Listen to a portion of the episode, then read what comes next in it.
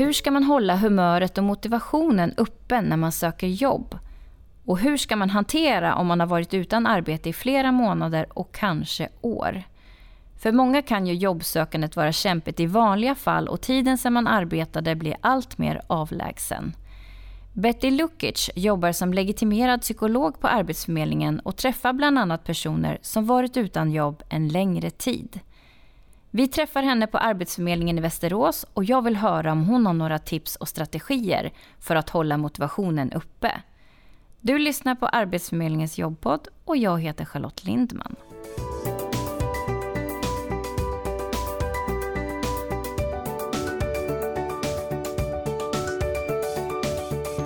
Välkommen hit Betty. Tack så mycket. Betty, du jobbar ju bland annat med personer som har varit utan arbete en längre tid och eh, du är psykolog på Arbetsförmedlingen. Mm. Kan du berätta lite grann vad du jobbar med och på vilket sätt? Mm. Eh, dels så jobbar vi med personer som eh, är arbetssökande och kanske som befinner sig en bit ifrån arbetsmarknaden av olika anledningar. Det kan också vara personer med en funktionsnedsättning som behöver hjälp att eh, komma ut i arbete och eh, anpassa eh, arbetsplatsen och arbetsuppgifter. Men även inför att gå ut i ett arbete så jobbar vi ju med vägledande samtal. Ehm, och ibland också om man behöver ta reda på vad har jag för styrkor och, och svårigheter att eh, även utreda om det finns något eh, form av hinder som man behöver eh, ändå förhålla sig till för att man eh, också lättare ska kunna göra anpassningar sen när det blir aktuellt med ett arbete. Men eh, vad är det för känslor som kommer över oss när vi har varit utan arbete en längre tid? Eh, ofta är det till en början så har man rädsla och ångest som man tampas med eh, som sen kan följas av skam och skuld. Eh, vilka, vilket är normala reaktioner i samband med att man kanske har varit utan jobb en längre tid. Eh, man kanske börjar få funderingar kring hur ska jag få det här att hålla i längden ekonomiskt? Hur ska jag kunna betala hyran, försörja min familj? Eh, och I nästa skede så kan man känna en ilska eh, över sin situation. Eh, varför drabbas just jag? Eh, och den här eh, förlusten av kontroll. Mm. Man känner sig orättvist drabbad. Mm. Men för många kan ju det här med jobbsökandet vara kämpigt i vanliga fall. Och just det här med att det har varit en tid sedan man jobbade. Mm. Vad är det för typ av hinder då som uppstår i samband med jobbsökandet? Det kan handla om att man börjar tvivla på sig själv utifrån att man inte har fått visa vad man kan prestera ehm, eller visa sina kompetenser. Eh, så i och med det då så är det normalt, eller liksom det är en ganska vanlig reaktion att man kanske börjar, börjar tvivla på sig själv och den egna kompetensen och får en låg tilltro till den egna förmågan helt mm. enkelt. Eh, förmåga att prestera. Men är det här någonting som kommer ganska snabbt efter att man blivit utan arbete eller är det här någonting som kommer lite senare? Jag skulle säga att det kommer lite smygande. Eh, att man eh, oftast får det här kanske efter en längre tid. Eh, säg kanske ett halvår. Man märker att det inte händer någonting. kommer inte vidare, jag kommer inte framåt. Det kanske är trögt inom just den yrkesbranschen. Eh, så så kanske det här ofta förstärks, de här känslorna, ju längre tiden går. Man måste jobba ännu hårdare med, med de positiva delarna i sitt liv. Ja, och du nämnde också det här med att man kan känna skam över mm. att vara utan arbete. Är det inte dags att lägga den här skammen på hyllan? Alltså, det är ju en del av livet att vara utan arbete, till och från. Varför känner vi skam? Mm. Precis. Vi är ganska bra på att eh, eh, se de negativa sidorna av oss själva. Eh, vi är bra på att liksom, eh, ha för höga krav på oss själva och, och eh, att eh, ja, vi sätter ju de här kraven oftast själva, så att mm. säga. Att det här ska jag klara av. Eh, så att man skulle behöva kanske träna på istället att bli snällare mot en själv. Och acceptera eh, motgångar i livet. Mm. För det kommer vi att ha mm. oavsett eh, jobb eller inte. Även inom andra områden så skulle vi behöva träna på att hantera motgångar och hinder mm. utan att vi för den eh, sakens skull tappar bort oss själva och tilltron till eh, att det handlar om att vi är en sämre människa för det. Mm. Och det låter ju så förnuftigt och bra att tänka att man ska göra det. Men det kanske inte är så lätt i praktiken. Har du några bra tips på hur man ska göra? Absolut, det, det, är inte lätt. Det handlar ju om, om att bryta vanor och, och, mönster som man kanske lätt hamnar i då om man, om man har flera motgångar på varandra. Eh, så, så att eh, då, då tenderar de här negativa tankarna att ta över.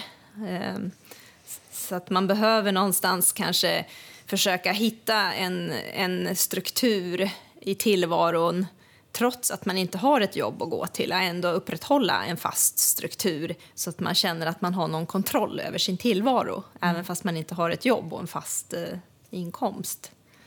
För du pratade ju inledningsvis att det är inte bara det här med att jag är utan arbete, utan det är så mycket annat som påverkar. Mm. Med ekonomin, familjen, mm. kanske strukturen, hur man mm. är hemma och inte hemma, mm. rutiner och allting. Um, så det är inte bara en del det är så, kanske så många delar. Mm. Hur ska mm. man hantera det här? Det blir så stort, nästan övermäktigt. Mm.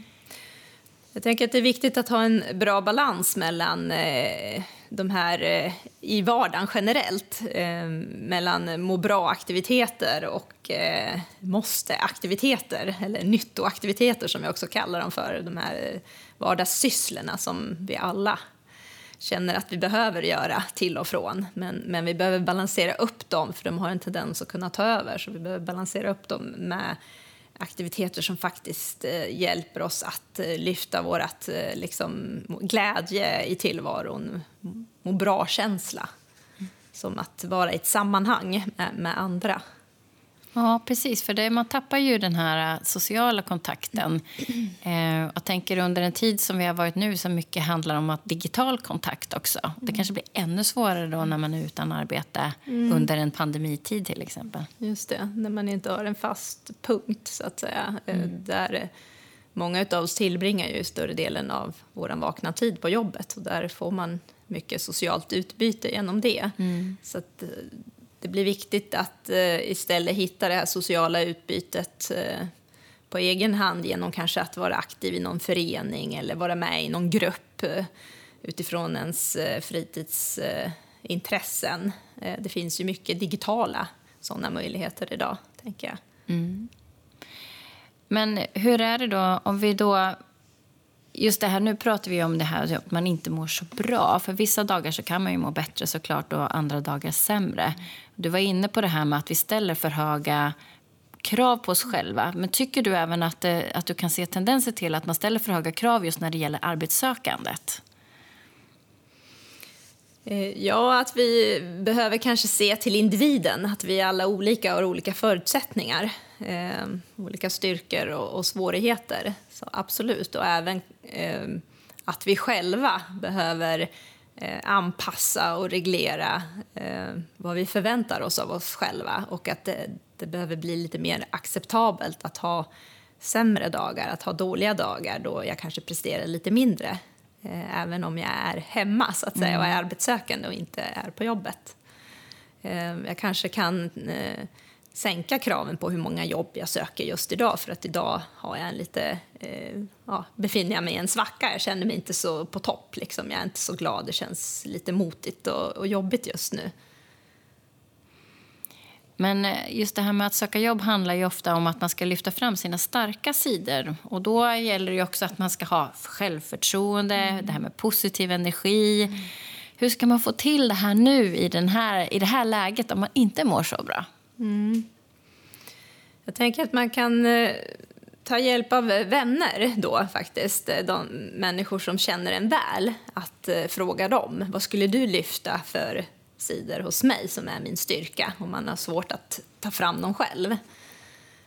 Det kan vara en, en väldigt bra hjälp som man sen kan använda i en intervju när man går, går på det. Och det blir också väldigt eh, eh, Oftast blir det alltså realistiska mm. saker som och kommer fram. Och tänker jag också. Ja, absolut. Mm. Eh, det kan också hjälpa en att komma ur det här negativa tankemönstren eh, när någon annan faktiskt byter eh, riktning mot lite mer positivt tänkande och, och lyfta vad, vad, kan jag, vad är jag bra på, hur kan jag använda mina styrkor i ett jobb. Mm.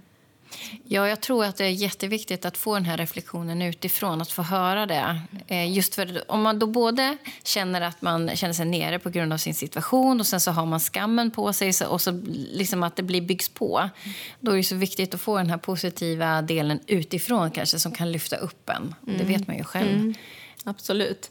Eh, det kan vara en jättestor hjälp när man befinner sig i ett, sånt tillstånd där man kanske är lite låg så att säga, och har svårt att hitta dem på egen hand, de här styrkorna man har. För de finns ju där någonstans. Mm. Men man ska också kanske eh, ha som eh, lite strategi att eh, gå igenom regelbundet eh, och inventera sig själv. Så att man gör det som på rutin. Vad har jag för styrkor? Ja, för det är, dack, det är färskvara, tänker ja. jag också. Det är ingenting som man har gjort en gång och så, så finns Nej, det där, utan någonting man behöver upprepa. Ja, ja. Mm. Och upprepningen är ju också ett sätt att ta sig ur det, det liksom kanske sämre måendet. Att ändå någonstans avsätta lite tid för att även vända på det och se det utifrån liksom, vad kan jag?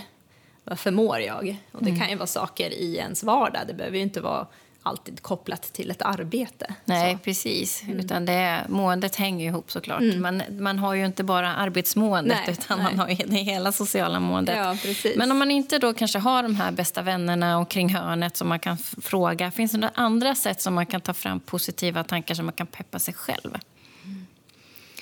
Tänker om, om, om det blir så, så allvarligt för en att man verkligen känner att nu kommer jag inte ur det här. Nu, nu mår jag så pass dåligt så att det här är ett hinder för mig att få min vardag att fungera. Jag, jag kan inte ta mig ur det här på egen hand. Så, så uh, skulle jag starkt rekommendera att ta professionell hjälp.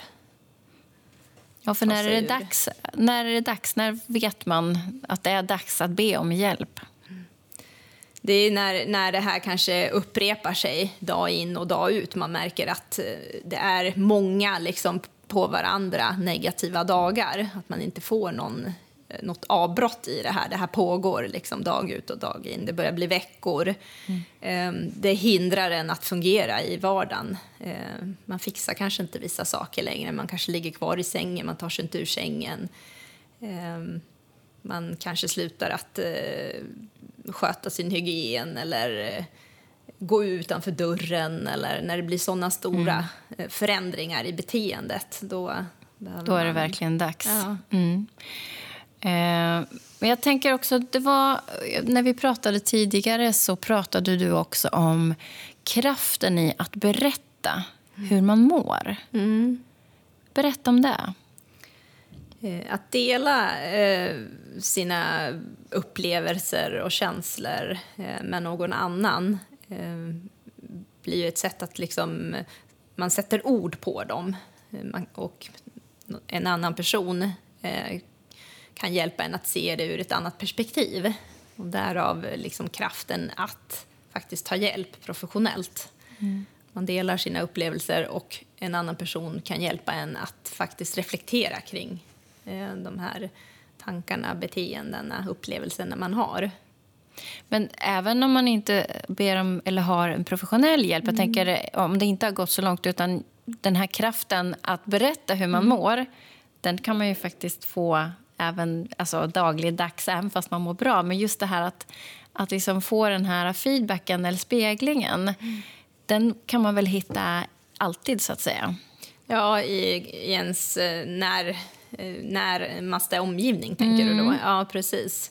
Eh, absolut. Eh, när det kanske inte har blivit så omfattande eh, i, alltså att det har utvecklats till en psykisk ohälsa utan det kanske handlar om bara en tillfällig svacka, att man, man har lite svårt att ta sig ur eh, negativa tankar eller man kanske börjar ifrågasätta sig själv lite. Eh, då kan det vara av värde att man Eh, dela det här med nära vänner eller familjemedlem, någon som man känner sig trygg med, någon som inte kommer att värdera det Nej, man säger. Det, det är det, det viktigaste, mm. att, att man inte får en värdering i det man säger. Mm. Jag tänkte vi skulle prata lite framgångsfaktorer också. Um, när, när, alltså om du har några bra knep här för att man ska liksom lyfta upp sig, på vilket sätt ska man göra? Jag tänker en strategi som eh, mer eller mindre alla kan vara hjälpta av det är att titta på tidigare motgångar, för vi har ju alla motgångar med oss i bagaget. Och hur löste jag dem? Kan jag använda någon av de strategierna som jag använde tidigare som visade sig faktiskt eh, föra mig framåt? Det behöver inte vara så stor kris kanske, Nej, eller det kan vara en enklare motgång? Det kan vara en, mindre saker. Eh, så att det behöver inte vara alltså kris, det ordet är ju ganska stort och ja. omfattande, utan det kan vara en motgång. Mm. kan kalla det för motgång istället. Hur hanterar jag motgångar tidigare? Mm. Vad har jag med mig för erfarenheter och hur kan jag använda det idag? För att det blir också lite stärkande att jag, när man påminner sig själv om tidigare erfarenheter att jag lyckades ju faktiskt ta mig ur det här eh, och ta mig förbi det här hindret tidigare så jag kan lyckas igen. Har du något konkret exempel på hur man skulle kunna få till det här? Eh, för att bryta negativa tankespiraler, så för varje negativ tanke så behöver man ha minst dubbelt så många positiva tankar i vågskålen för att det ska väga över. Mm. Så det man kan göra är ju att man eh, skriver liksom en plus och minuslista och för varje minus så tänker man att man behöver ha dubbelt så många plus vad gäller tankar om sig själv, förmågor, eh, ja, kompetenser. Mm. Så.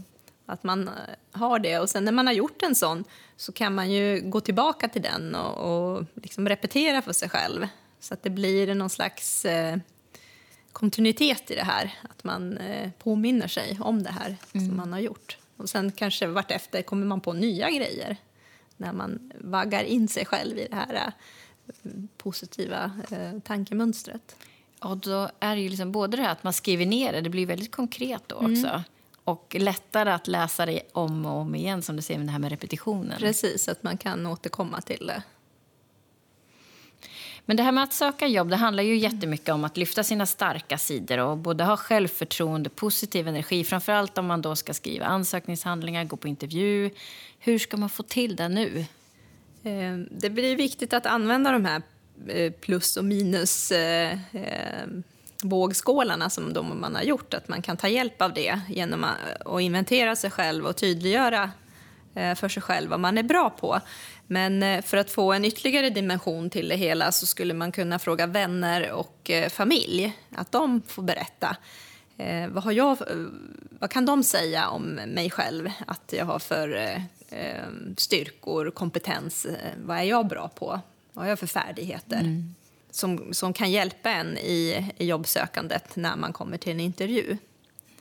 Just att få ett utifrån perspektiv och, och dessutom kanske fylla på den där listan. Absolut. Mm. Sen också är det viktigt att man sätter upp jobbsökandet i små, många delmål. Eh, och man tar ett steg åt gången. Eh, istället för att ta jättekliv. För att eh, det är lättare att lyckas med de små stegen än att man ser det slutgiltiga målet ja, här. Mm. Men du som träffar så otroligt mycket människor och pratar och bollar idéer och kanske också guidar personer framåt. Kan du berätta om något tillfälle som det verkligen har lyckats? Jag skulle kunna berätta om en eh, solskenshistoria där faktiskt eh, en person eh, som har varit utan jobb Eh, i perioder och haft flera eh, också perioder med tillfälliga jobb och hankat sig fram så och tröttnat på det livet så att säga och vill mm. ha någonting mera eh, fast att förhålla sig till. och hade faktiskt en dröm om att, den här personen hade en dröm om att bli lärare och jobba som lärare. Och hen var i 30-årsåldern eh, och var lite vilsen hur hon skulle komma vidare. Och hon tyckte själv hon var för gammal för att eh, utbilda sig okay. till lärare. Ja. Hon var 30 plus. Ja. Så att vi hade mycket vägledande och motiverande samtal och vi resonerade oss fram till att eh, men du har ju faktiskt 30 år kvar av ditt arbetsliv. Precis, det är ju lång tid. Och, och vad, vad, är det värt? Liksom, mm. att få vara på en arbets, vad är det värt att få vara på en arbetsplats där du trivs och du får göra någonting som du tycker om? Och få gå till en sån arbetsplats varje dag så kan det vara värt att studera i fyra år eller fem år. Eh, vad nu, eh, liksom, hur lång utbildningen nu än är egentligen. Men hon var lite mer inne på att om det hade varit något yrke som kanske bara tog två år, då hade hon mm. tyckt att det var okej, okay, mer mm. okej. Okay. Men, men vi resonerade eh, kring för och nackdelarna än att gå 30 år till och vara missnöjd. Ja. Och vad gör det med en själv? Ja, det kan ju bryta ner. Ja, ja så att eh, personen sökte i alla fall till eh, lärarutbildningen och började studera. Mm. Det var mycket liksom, utifrån att hon fick lite vägledande och, och, motiverande samtal. Vi kunde prata om det här, om hennes eh, farhågor eller hennes... Eh, eh, ja, vad hon liksom befarade eller tänkte att det här kommer inte jag att klara av också. Det fanns ju också en, mm. en låg tilltro att eh, hon skulle klara av en sån utbildning. Mm.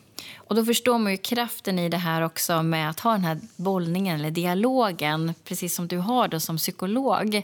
Att också spegla den här personen och peppa och så att man får liksom dra det här några vänder.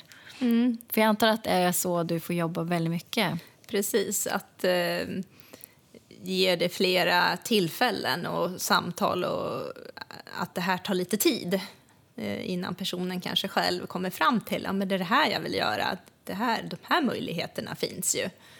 Så att man behöver ha tålamod och eh, ja, ge personen tid helt enkelt.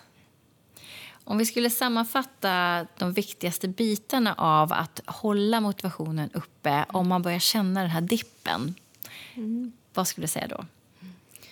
Eh, dels att hålla en struktur i vardagen för att känna att man har en kontroll i sitt liv eh, i övrigt, så att säga. Eh, och sen att kontinuerligt inventera sig själv och sina styrkor. Och även gå igenom kanske vad finns det för andra möjligheter, vad finns det för andra vägar? Att eh, försöka bredda sin, eh, det man kan tänka sig att arbeta med eller studera, att titta på liksom andra möjligheter.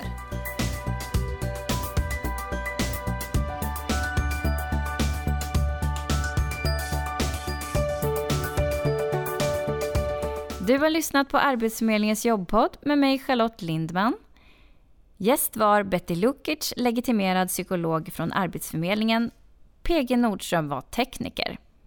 Har du tankar och idéer på vad vi ska prata om i podden skriv då till podcast arbetsförmedlingen.se.